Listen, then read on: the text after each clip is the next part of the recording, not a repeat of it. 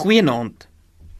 Abigail was 'n mooi en slim vrou in die Bybel, maar sy was getroud met 'n skrik. Ons lees haar merkwaardige verhaal in 1 Samuel 25.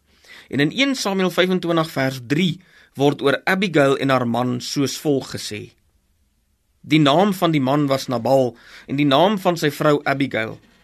Die vrou het 'n goeie verstand gehad en sy was mooi, maar die man was 'n regte korrelkop en onbeskof. Hy was 'n Kalebiet. Abigail se man Nabal was 'n baie ryk man, ongelooflik welaf vir daardie tyd. Hy het 3000 skape en 1000 bokke gehad. Dawid en sy bende het as te ware hierdie skape in die veld opgepas. En op 'n stadium stuur Dawid 'n afvaardiging na Nabal om te vra vir 'n geskenk omdat hulle eintlik so mooi na sy skape gekyk het sonder vergoeding.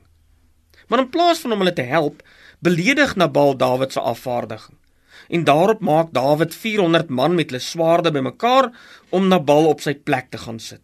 Abigail kom daarvan te hore en sy maak vinnig baie kos en wyn bymekaar en gaan Dawid en sy manne tegemoet voordat hulle by haar man Nabal uitkom om hom op sy plek te sit. En dan pleit sy by Dawid om nie haar skurk van 'n man leed aan te doen nie.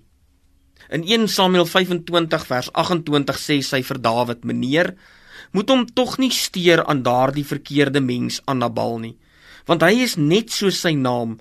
Sy naam beteken dwaas en dwaas is hy." Abigail pleit by Dawid en bring vir hom en sy manskape groot geskenke en kos en wyn en sy pleit dat hy nie haar onbeskofte, ongenaakbare ryk man op sy plek moet sit nie en sy doen dit sonder dat haar man daarvan weet.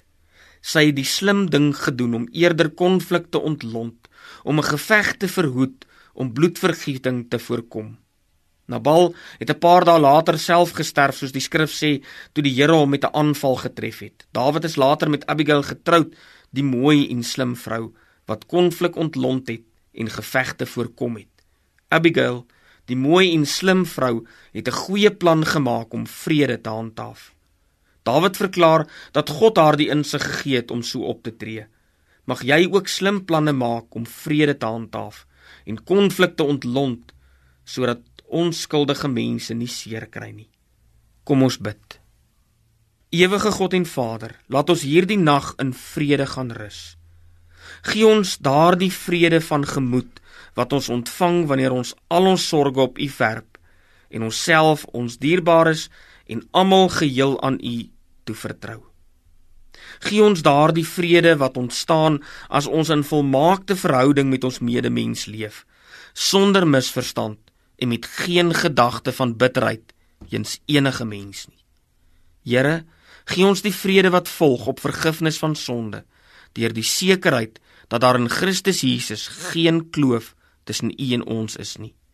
En gee ons, Here, bovenal die vrede van U nabyheid en die sekerheid dat U ons of dit lig of donker nooit sal verlaat en ons nooit uit U hand sal laat ruk nie.